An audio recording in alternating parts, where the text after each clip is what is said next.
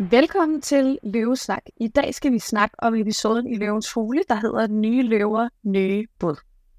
I case 1 kommer Jonas ind i Løvens Hule med virksomheden Sitprik, som laver foldbare stole. Han kommer ind og søger 500.000 for 5% af sin virksomhed. Han får flere bud fra løverne og vælger til sidst at takke nej. Ja, jeg synes egentlig lige, da han kommer ind, fed nok type, fed karakter, og han bor i Klik Møller og det hele, men jeg ser lidt hans produkter, og så tænker jeg sådan, hvad, hvad er det her? Det er sådan lidt forvirrende. Og det er først ret sent, hvor det går op for os. Okay, han omsætter for øh, 20 millioner eller sådan noget, og laver et resultat på 4 millioner. Altså så er man sådan, han tror, jeg har haft det med i pitchen, for så har han haft min opmærksomhed mere. Hvor i starten så var sådan, det her det er endnu en case, der omsætter for 330.000 og har et eller andet white label lort fra Kina. Men så har han min opmærksomhed Selve produktet, øh, hvis vi lige snakker om det, jeg er lige kommet hjem fra Skotland, for jeg elsker hike, og det her med at få nogle foldbare ting, som er meget, meget små, det er sindssygt lækkert, når man er ude og vandre.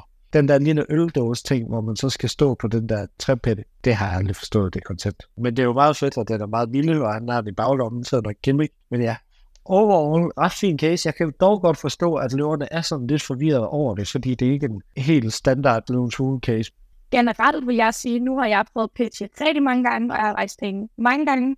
Jeg vil altid sige sådan store milepæle i min 1-2 minutters pitch, fordi man sælger et produkt, han selv siger, der bliver produceret i Kina. Man har lidt hurtigt som en forudantagelse af, at det er lidt noget billigt skrammel måske, hvor at jeg vil rimelig hurtigt sige, og jeg har solgt for 20 millioner.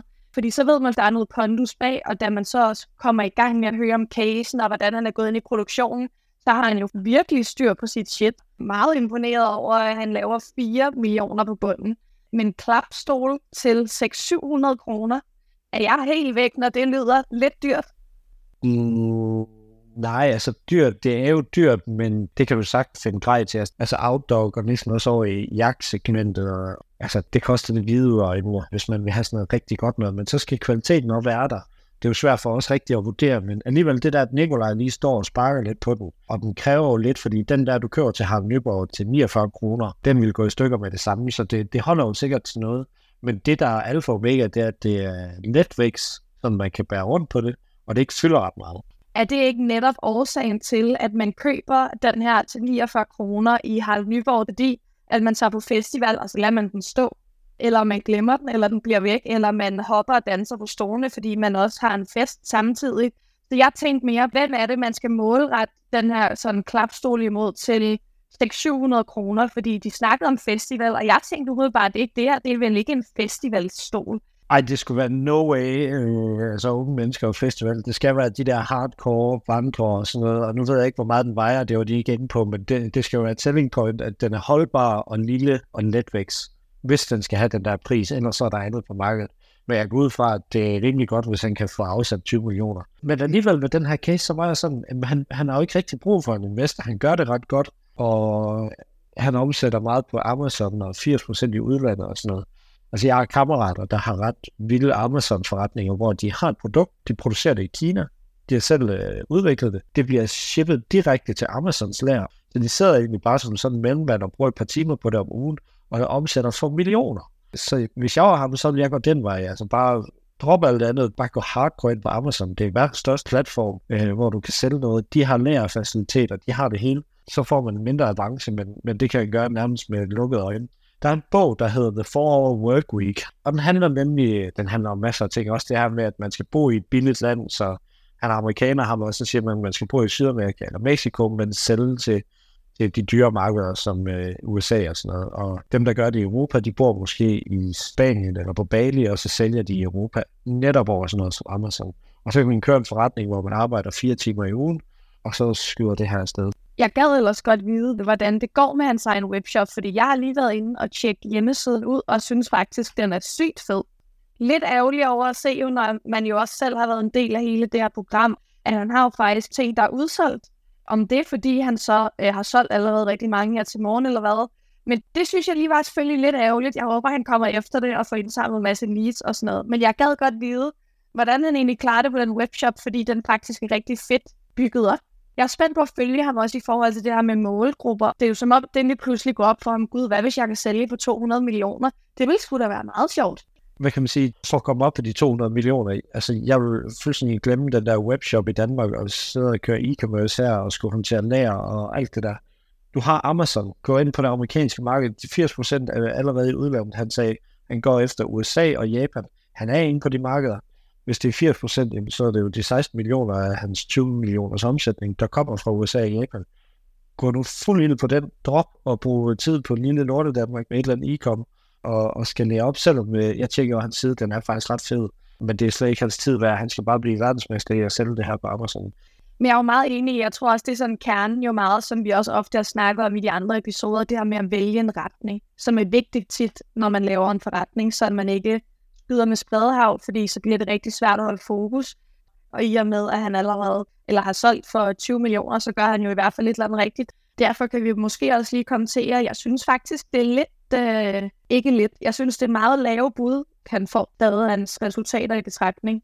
Derfor kan se, at han siger nej og står ved, at det simpelthen ikke er højt nok. Mega kado for det, fordi det ved jeg også er svært, når man står derinde, og man har 20 kameraer i hovedet, og fem farlige løver, der sidder foran en. Ja, lige præcis, og det viser også noget om hans eget værd, hans selvværd, hans selvtillid, og, og sådan noget, at, at han ligesom siger nej, og, og det synes jeg egentlig er fedt, fordi at, øh, jeg, jeg tror ikke, øh, der er nogen, der er bedre end ham, inde i det studie der, som er bedre til netop crowdfunding og Amazon og sådan noget. Det virker som om, at det han er gang i, det er han styr på, hvor at løverne vil måske også øh, trække ham over i e-commerce og, og sådan noget. Jeg tror bare, at det her skal have fuld fart frem af der. Men fedt nok produkter, jeg kan godt se dem i, i virkeligheden. I case 2 kommer Louise ind i programmet med virksomheden Champagne Stories. Hun søger 10% for 300.000 og går faktisk derfra med Louise som investor, som ender med at ligge 350.000 for 12,5%. Ja, det jeg godt kan lide ved hende, det er sådan hendes karakter igennem det, som er, at øh, hun fik en lille løn på 15.000, så bruger hun nu de penge på at ligesom have en medarbejder og selv fjerne sin egen løn. Det kan jeg virkelig godt lide. Det viser, at man er sådan all in og engageret. De er omsat for 2,1 året før, lavede et lille overskud på 113.000. Øh, I år regner de med 3 millioner, så det er jo en ret lille webshop. Øh, for mig der er det stadigvæk også sådan, ja, det er, jo, det er jo ikke den største virksomhed, og det er også bare, øh, hvad man siger, Red Ocean. Vi har jo set det bare i Løvens Hule, har vi set det her et par gange. Så igen, ja. Dertil så har vi jo også en dansk spiller på det her marked, som jeg har snakket lidt med, fordi vi er jo mange af os, der har øh, boksabonnementer øh, selvfølgelig på øh, skiftevis hjælper hinanden, hvor vi kan her i Danmark. Og øh, der er Champagnekassen en af dem, som sådan vi er et lille netværk med. Det er en champagneklub, de laver champagnesmagninger, de laver øh, champagnekasser på abonnement. En til en det her koncept. Så hvordan er det lige, hun skiller sig ud, og hvordan er det, hun skal skalere. Jeg har meget svært ved at se, hvordan man skal skalere sådan en her type af forretning. Jeg tænker også bare sådan, altså der har været cases inde i løvens hul, også med champagne på abonnement. Og andre løverne ved også godt, at de eksisterer i Danmark. Jeg kan ikke forstå, at de ikke siger til dem, hvorfor var det, du tænkte, du kunne gøre det bedre end dem? Altså, hvor er du differentierer dig? Fordi at hvis man starter noget, der allerede eksisterer, så skal din motivation eller dit i det er som, det her, det gør de simpelthen ikke godt nok, det kunne jeg gøre bedre. Du kan ikke bare lave det samme i min optik. Altså, jeg kan godt lide hende, det er en fin forretning, og sådan noget, men hvor er det, de differentierer sig? Hvad er det, hun gør, som ingen andre kan? Eller hvad er hendes branding, eller hendes historie, som ingen andre kan? Det runger bare sådan lidt hul, men hun omsætter for, vil gerne omsætte for 3 millioner i år, og lave en lille overskud. Hun har, hun har en ansat, hun har en forretning. Men øh, jeg er helt enig med dig, Camilla. Jeg kan ikke se, hvordan det her bliver et stort øh, væksteventyr. Og jeg tror nærmest også, at Louise hun går ind i det, fordi at hun elsker champagne, og så det er måske mere sådan en hjerteinvestering, end det er et stort eventyr. Ja, hun fortæller, at hun har et mål om at have 1500 abonnenter i slutningen af 26. Så det vil sige, at to og et halvt år efter, at hun står i programmet, der vil hun gerne have 1500 abonnenter. Det for mig vidner ikke om, at det er, øh, skal blive en kæmpe forretning. Øh, hvis målet efter øh, fire års drift er at have 1500 medlemmer.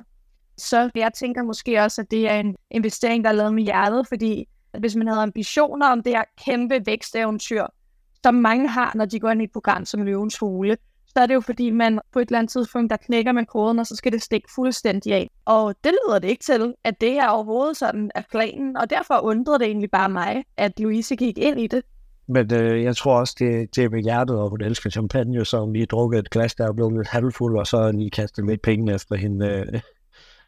Jeg ved, jeg ved det ikke. Hun, øh, hun gør det jo fint. Det, det er en øh, fin forretning og sådan noget. Øh. Jeg, jeg ser den stadig ikke som en investeringscase, men, men øh, det er jo bare mig, der er en gammel sur mand, som altid. Nu skulle jeg lige så sige, apropos gammel sur mand, det var faktisk ikke helt det, jeg mente. Men øh, Anne bliver også lidt frustreret i dagens episode, ja, og siger, at hun er kraft med træt af abonnementsforretninger, og det hænger hende langt ud af halsen.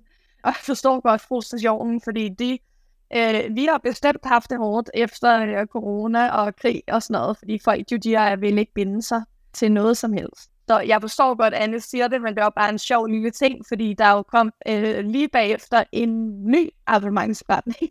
ja, jeg har faktisk ikke så meget mere tilføje til den her case. Nej. Lad os hoppe, øh, hoppe videre til næste case.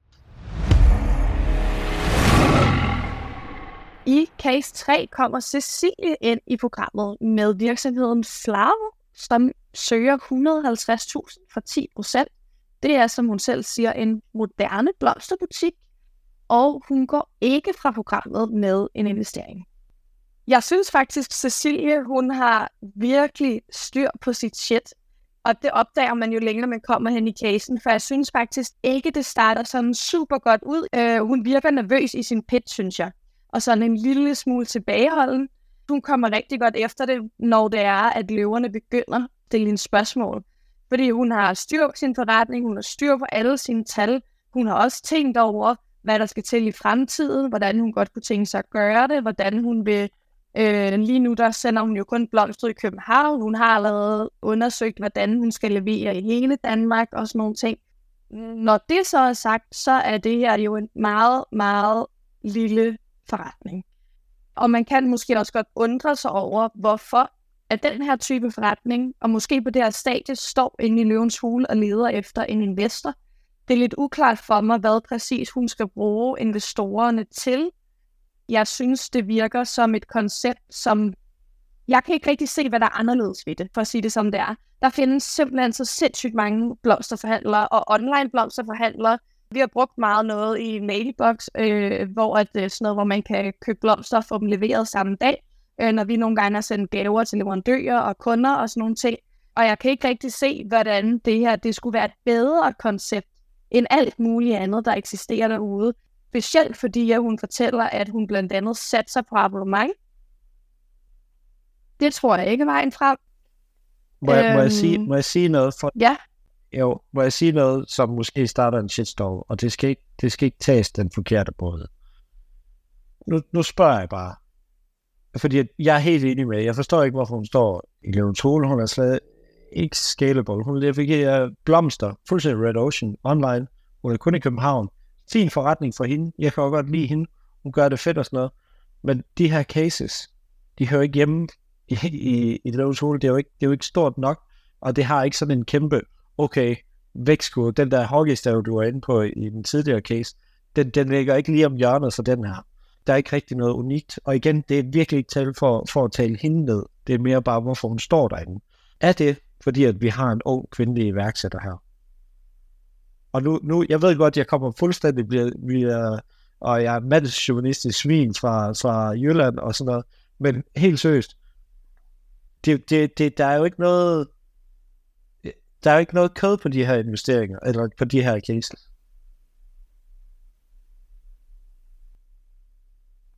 Det er ikke, fordi jeg ikke har noget at sige, at jeg er lidt langsom om at svare her. Øh, jeg synes faktisk, det er et svært spørgsmål at svare på, for at være helt ærlig. Men det er også, fordi jeg synes faktisk, at der er sådan forholdsvis mange cases i løvens hule, måske specielt i den her sæson, som er folk, der er selvstændige, men som ikke er iværksætter-cases. Og der er hun en af mange, vi har set, som kan lave en forretning, der er god, som hun kan drive selvstændigt godt og leve af, men som ikke er en skaleringscase. Men jeg synes, vi har set mange af dem her, så hvorfor hun lige er med, synes jeg faktisk er svært at vurdere, for altså, vi har også set nogle andre cases fra nogle mandlige iværksættere, eller mandlige selvstændige, som også har en forretning, der umiddelbart er fin, men som overhovedet ikke er skalerbar. Så om hun er med, fordi hun er kvinde, det tror jeg måske ikke. Jeg synes, der har været blanding af de her cases, stort set i hver episode faktisk. Men hvorfor hun så helt generelt er med, og hvorfor de andre lignende cases er med, det kan man så sætte spørgsmålstegn ved, og det ved jeg ikke, hvorfor de er med. Om det er fordi, at, man, at det er en del af det her med at lave godt tv og sådan nogle ting, eller om det er fordi, man mangler de her sådan virkelig vækst-cases, som søger ind i programmet. Det Nej, ved jeg, jeg ved det her ikke. Jeg, jeg, jeg prøver bare at undre bare, fordi jeg, jeg, jeg føler bare hele niveauet for, og det er over hele linjen, både mænd og kvinder, hele alle deltagere i programmet. Jeg ved ikke, om der er manglet deltagere. Jeg snakker også om det inden, og øh, altså, vi har snakket om det tidligere. Selve niveauet, altså der kommer egentlig en case i slutningen her, hvor yes, altså jeg vil bare se en halv time med dem, en time med dem, hvor der er lidt kød på. Men det er ikke investeringscase, det er som du siger, det, det er selvstændige, der er derinde. Der er ikke noget unikt ved dem, der er ikke noget, de Red Ocean, der er ikke noget, der differentierer dem, der er ikke nogen unikke koncepter. Hvis jeg faktisk skal sige noget som så, øh, nu siger jeg shitstorm, og øh, det er overhovedet ikke for at dømme nogen, for jeg forstår også godt, hvorfor man gør det. Men min tanke er, at de gerne vil tv. Det er fordi, man nok gerne vil have markedsføring, eller at man synes, at det er sjovt. Og det faktisk, forstår jeg godt. At, ja, at det er en oplevelse. For jeg forstår godt, når man starter sin egen virksomhed, hvorfor at man sådan rimelig hurtigt vil tænke, ej, så kan jeg komme million siden måske. Og der er det måske lidt hårdt af mig at sige, jeg synes lige, man skal genoverveje det en gang. Fordi jeg synes personligt, at når man spørger folk om deres penge, så skal det være en meget, meget genovervejet beslutning, og det synes jeg ikke altid, det er med alle dem, der kommer ind i løvens hule. Og det er faktisk ærgerligt. Fordi det skal ikke være noget, man bare gør for sjov. Der skal være en mening med at gå ind og spørge om folks penge. Jeg forstår fuldstændig motivet for dem, der søger ind. Altså fordi det vil vi alle sammen. Vi kommer på primetime tv, og det er noget, der kommer til at skalere vores forretning. Vi får nemmere, altså vi får både salg igennem, vi får opmærksomhed, vi får brand awareness, vi får nemmere ved at lave samarbejder. Alt det her, så jeg forstår iværksætteren, der søger ind, men selve produktionen, det er jo deres opgave at ligesom vælge nogle cases, hvor der er noget kød på. Og så kommer der så mange cases ind, hvor øh, igennem hele sæsonen har vi set mange cases, der er omsat for 30.000, 40.000. Det her det er endda en af de bedre i år, fordi hun omsætter for 300.000. Men det er jo ikke noget, vi kan bruge til noget. Altså, det er jo ikke en, en investeringscase. Og så er programmets motiv at ligesom vise bare det der ene step over, at man har stiftet et CVR-nummer. Er det for at vise, okay, det kan godt lade sig gøre, vi vil gerne promovere dem, så det inspirerer andre. Det er bare ikke særlig spændende at se på.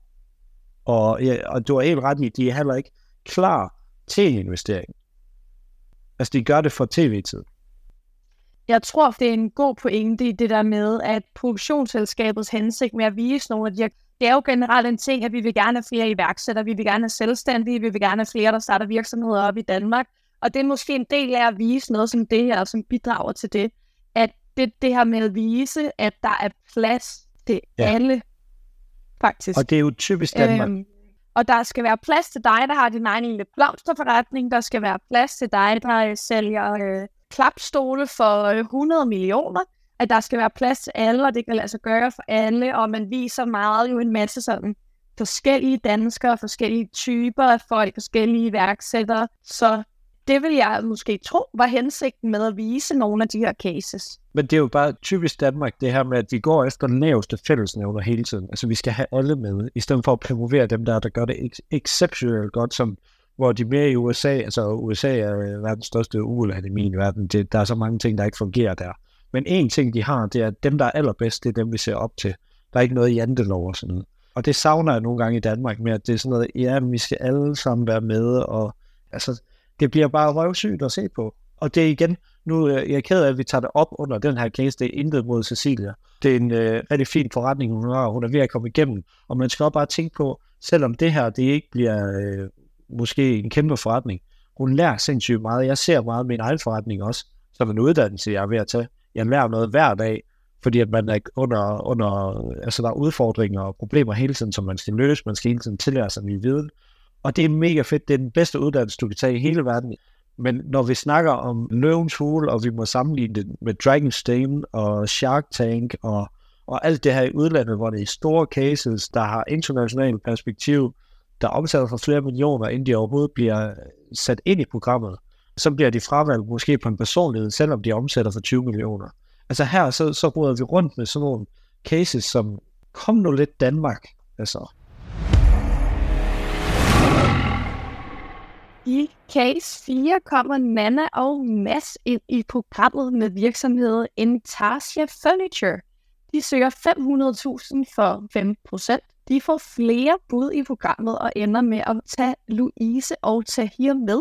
Og det bliver en investering på 500.000 for 20%. Ja, det er mega fed historie, men hun har reetableret et morfars gamle øh, møbler. Det synes jeg er mega fedt. De har otte produkter, de er ude i nogle forhandler, ude i nogle store bolighus. Den her slags virksomheder kender jeg slet ikke. Men kontra den case, vi lige har snakket om, hvor at, øh, jeg var lidt en sur gammel gnavpot. Fordi det er at købe nogle blomster og sælge dem dyre i stedet. Du har ikke opfundet noget. Du har ikke lavet noget anderledes end andre gør. Dem her er omsat for noget nær det samme, men de har jo noget unikt. De har jo selv produceret de her ting, og de har noget storytelling i morfar. Altså, de har noget, de selv har opfundet, og så sælger det. Det har jeg mere, hvad kan man sige, respekt for, end at købe noget billigt og sælge noget dyrt. Og det er jo et god gammel købmandskab, men altså, det er jo i princippet det, Rema gør. Jeg synes, jeg synes de er fede nok. Øh, altså, var der ingen e-kom i det her? Det er kun til B2B forhandlernetværk. Jeg var faktisk lige inde og tjekke den ud online, fordi jeg sad med samme spørgsmål. Og så vidt jeg kan se, så kan man faktisk godt købe deres møbler online. Det tvivler jeg dog på bliver den største del af forretningen, fordi det bliver ret hurtigt også klart i den her case, at det her det er high-end møbler. Og øh, et lille sofabord til 6.000 eller et lidt større sofabord til 13.000, som var priserne på det, det vil jeg ikke antage af noget, man går ind og køber så meget online, fordi sådan nogle ting, man betaler relativt mange penge for, det vil man gerne se i virkeligheden, man vil gerne røre det. Hvis det er, nu siger jeg bare lige, hvis det var en sofa, vil man måske gerne prøve at sidde i den sådan jeg blev mega begejstret indeni, da jeg hørte, at hun var blevet ringet op af nogen i London for at komme over og fremvise og snakke med, nu siger hun selv, nogle vigtige mennesker. Jeg kan selv lige forestille mig som iværksætter selv at få det der opkald, som kan være sådan en følelse af, nu er det make it or break it. Og jeg håber virkelig, at det bare er gået sindssygt godt, for hold kæft, det må være fedt at få sådan et opkald, når hun er i gang med at bygge hendes morfars gamle forretning op igen. Det synes jeg skulle være mega cool. Så om hun lancerer i London, det ved jeg faktisk ikke, om hun har gjort, eller om hun er i gang med, men det bliver spændende at se. Det gør det helt sikkert, og øh, vi håber, det kommer til at gå så godt for dig og mig, Camilla, at vi engang har hendes møbler i, øh, i huset, og så går det godt. Det er fuldstændig ret i. Og det er måske også derfor, det, ja, det er svært at sidde og vurdere det her. Det er ikke noget, som vi lige køber bare lige sådan. Det er ikke et impulskøb, det her. Hvilket lige leder mig faktisk et skridt tilbage i noget, der bliver sagt i programmet. Louise, hun anbefaler for meget influencers til det her, fordi når du ser en story på sociale medier, så er det ofte i hvert fald, så kan det godt være impulskøb. Ikke at det ikke kan lade sig gøre, men øh, hvis man skal anbefale som sådan hovedvejen af, hvor du skal lægge dine marketingkroner, så kan jeg ikke forstå det anbefalingen, fordi det er oftere billigere produkter, som influencers kan virkelig sprøjte over disken. At hvis, øh, øh, at Louise hun lægger en, en story ud af en hylde på Instagram til, nu kan jeg se her, de mindste hylder her, de koster 2400, så tror jeg ikke, der bliver solgt 200 stykker dem. Fordi det er mere et overvejelseskøb. Men der er jo også influencers, som har øh, følgere, som er det her, øh, altså øh, CC, Kasper Christensens kone, hun er ikke sådan indretningsdesign et eller andet. Fordi de flipper ikke sådan nogle hus hvis man nu fik hende med ombord, næste gang de flippede et hus, så satte hun de her møbler ind. Hun har sikkert nogle følgere, som er nogle øh, forstadsbrugere i Nordsjælland, og så er de sådan, om, med den der stil med stuk og paneler hele vejen rundt i stuen, der passer den her bænk ind øh, til, til 13.000. Der må også være sådan nogle influencer, men jeg forstår, hvad du mener, fordi typisk, i hvert fald de her Paradise Hotel influencer, som vi kender det til dagligt, det er jo sådan noget med, at øh, ting til 150 kroner, man bare sidder og lige øh, og, og køber, når man lige ser det. Men altså, øh, har der ikke været mange sådan møbeldesigner inden? Vi havde en, var det i forrige afsnit også, og øh, jeg synes, det er dejligt at se, at øh, dansk design, det er stadigvæk er uh, still going strong. Ja, jeg er meget enig, og øh, må ikke en dag, at vi kan købe sådan et sofabord, og øh, ellers så har jeg faktisk heller ikke så meget mere at tilføje.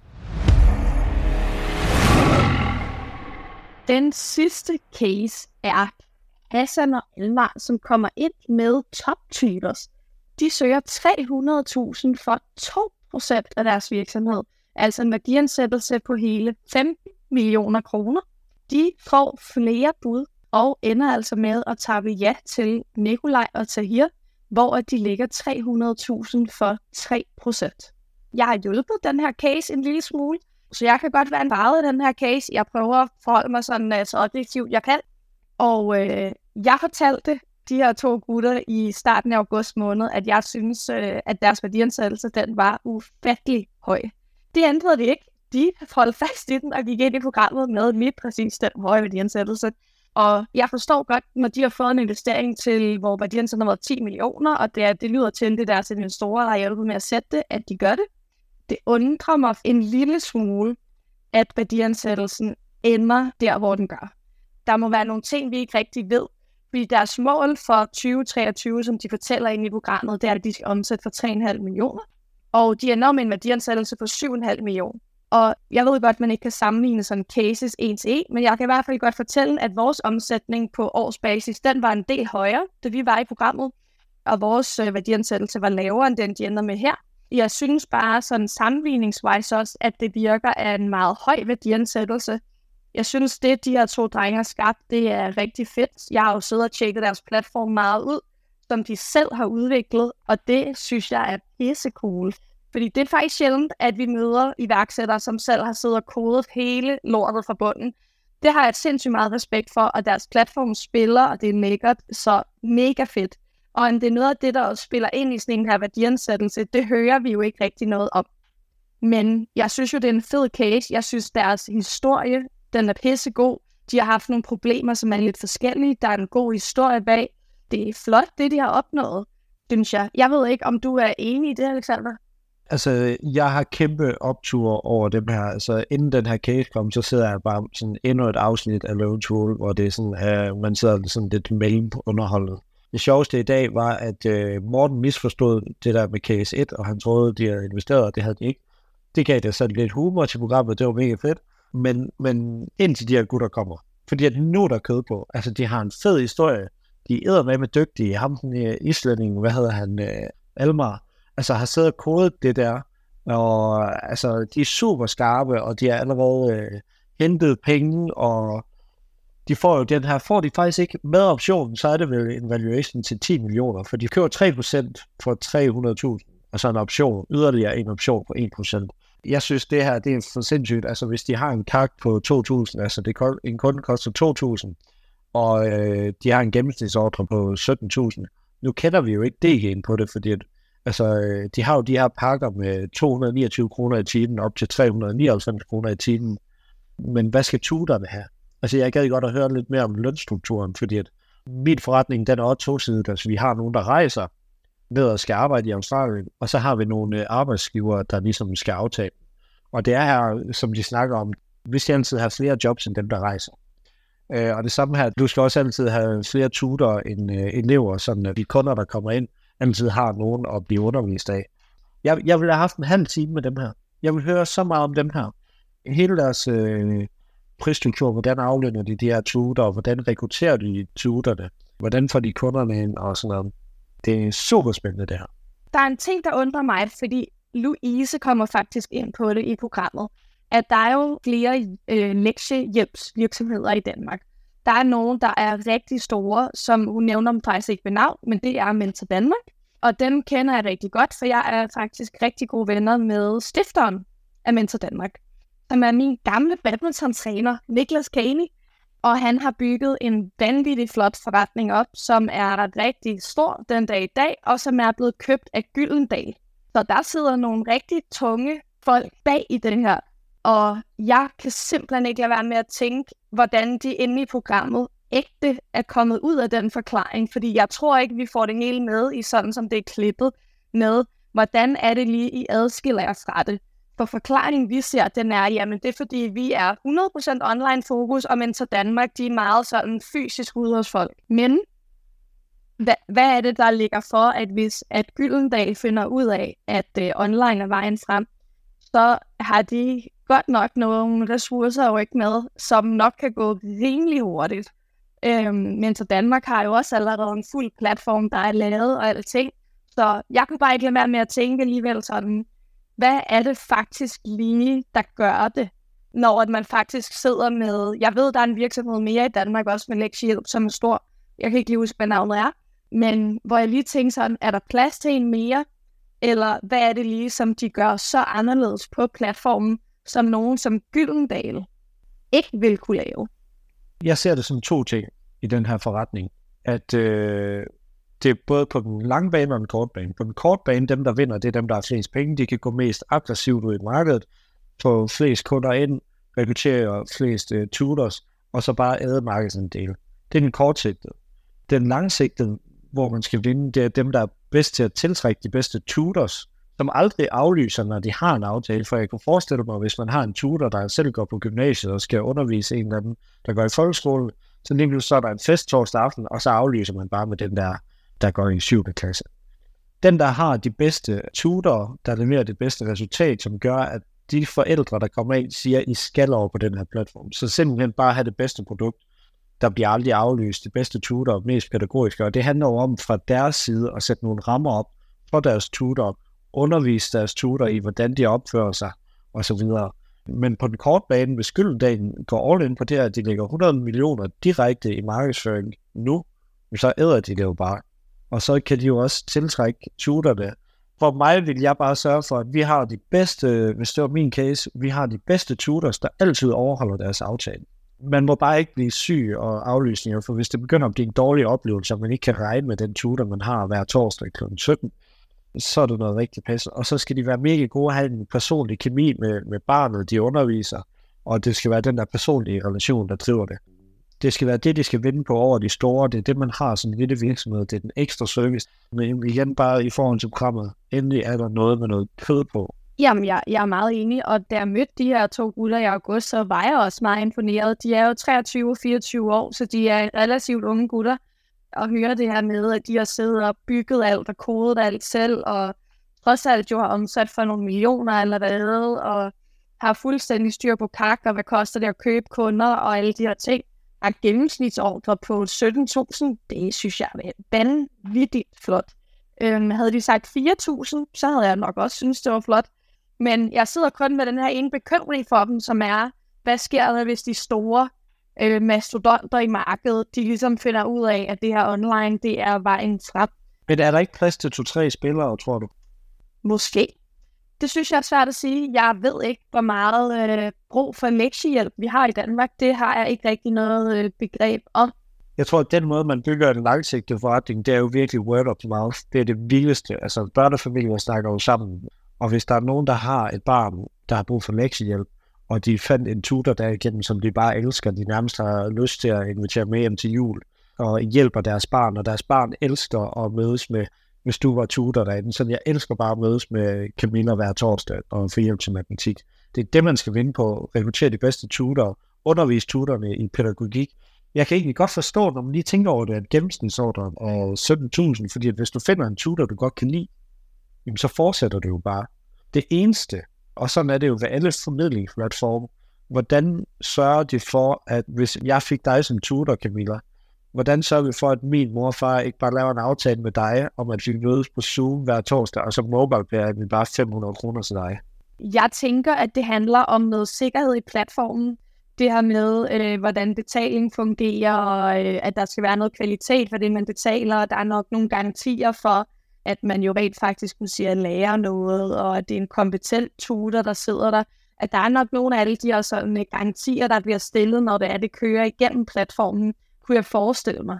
Også fordi de har faktisk udviklet en platform, som kan nogle ting, når det er, du sidder og bliver undervist online, som ikke bare er et videomøde, men som er, at nu lægger jeg lige en opgave op her inde i programmet, og så sidder vi og laver det sammen og sådan noget. Okay. Øh, så det kan faktisk jo noget andet, end nu siger jeg bare et videomøde. Jeg forestiller mig, at det er derfor. Så har de jo løst det der, og det er sindssygt godt set at Det er nok også noget, de har tænkt på, at de sådan har lavet nogle moduler derinde, som gør, at man ikke kan gøre det over Zoom eller Skype. Men det viser også bare, at kæft nogle dygtige iværksættere, de tænker sig om. Jeg synes faktisk, at jeg bliver nødt til at, at sige, at jeg synes, det er færre med de øh, 10 millioner, men jeg er også helt enig med Nikolaj Morten og de andre, at skal de gøre det her enormt, så, så kræver det jo øh, 100 millioner. Lige præcis, og det sad jeg nemlig også og tænkte på, fordi de spørger jo om 300.000, så det er jo ikke for pengenes skyld, at de står inde i det her program.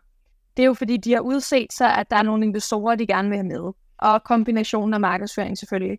De fortæller allerede derinde, at de vil gerne gå internationalt, og øh, at lige nu har de en runway på øh, sommeren i år, så halvandet år fra de står der i ugen sikkert, øh, cirka. Og det, til den tid, der skal de bruge 5-6 millioner til at gå internationalt. Det er det, de fortæller. Så det vidner allerede om, at de godt ved, at det her det er startskuddet på at skulle samle endnu flere penge ind. Jeg er helt enig i, det kommer nok til at koste mere end 5-6 millioner øh, at gå internationalt. Der er nok lige også en del sådan udvikling af platform, der skal tilpasses til forskellige markeder, og markedsføring ind på nye markeder. Vi har heller ikke samme øh, måde at lære på i forskellige lande. Det skal man også tage højde for. Så der kunne være mange faldgrupper, og det ved man jo ikke, før man rent faktisk har prøvet at gå ind i det første land. Så jeg forstår også godt, hvorfor at man ikke som iværksætter på det niveau har en mega konkret idé om, hvad det faktisk kræver, fordi det er jo en eller anden form for estimat, man laver med nogle marketingkroner og, og lidt udvikling og sådan noget, man prøver at lave et budget til, og det er sgu også svært. Altså vi må jo bare sige, hvis vi kigger på iværksætter, nu har du mødt dem, så du har endnu mere man kan sige, viden om. For mig vidner det om to rigtig skarpe iværksættere, der har tænkt tingene igennem, og ja, man kunne godt høre den der pitch, det første, der skrev, det var meget indøvet. Altså, så det var virkelig sådan, ligesom man stod i skolen første gang og skulle huske den. Løver, vi håber. Det var lidt sjovt, de var selvfølgelig også nervøse og sådan noget, men jeg synes, de gjorde det pisse godt, og de er pisse dygtige. Øh, jeg har bare, det, det, det her, jeg gerne vil se. Jeg vil se et helt program med sådan noget her. Kan vi ikke få det tilbage? det kan være, at vi skal krydse fingre for, at vi ser dem i opfølgningsprogrammet af Løvens Fugle, de her to, så vi kan følge dem lidt nærmere og se, hvordan det går. Fingers crossed. Enig. Og det var det. Så skal vi sige... Øh... og tusind tak, fordi I gad at lytte med. I næste uge er det jo aller sidste afsnit, så vi har en sæsonafslutning, hvor Camilla, hun laver noget helt vanvittigt.